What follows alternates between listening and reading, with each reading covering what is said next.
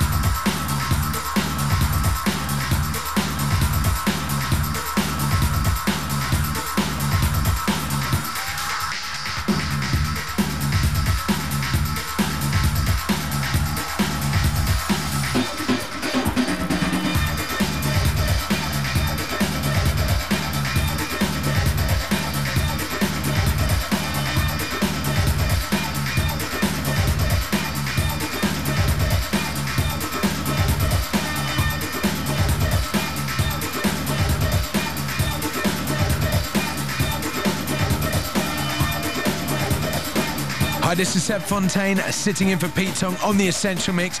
You're listening to Sasha and John Digweed, recorded live last weekend.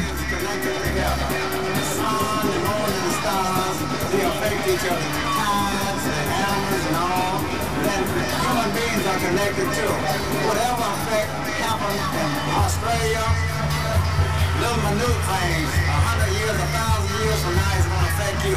We're all connected together. So what I'm trying to say, in essence, we have to learn to live together. We have to learn to love each other, trust each other, work with each other, and this is the only way you're gonna rise above all little stuff going on underneath here.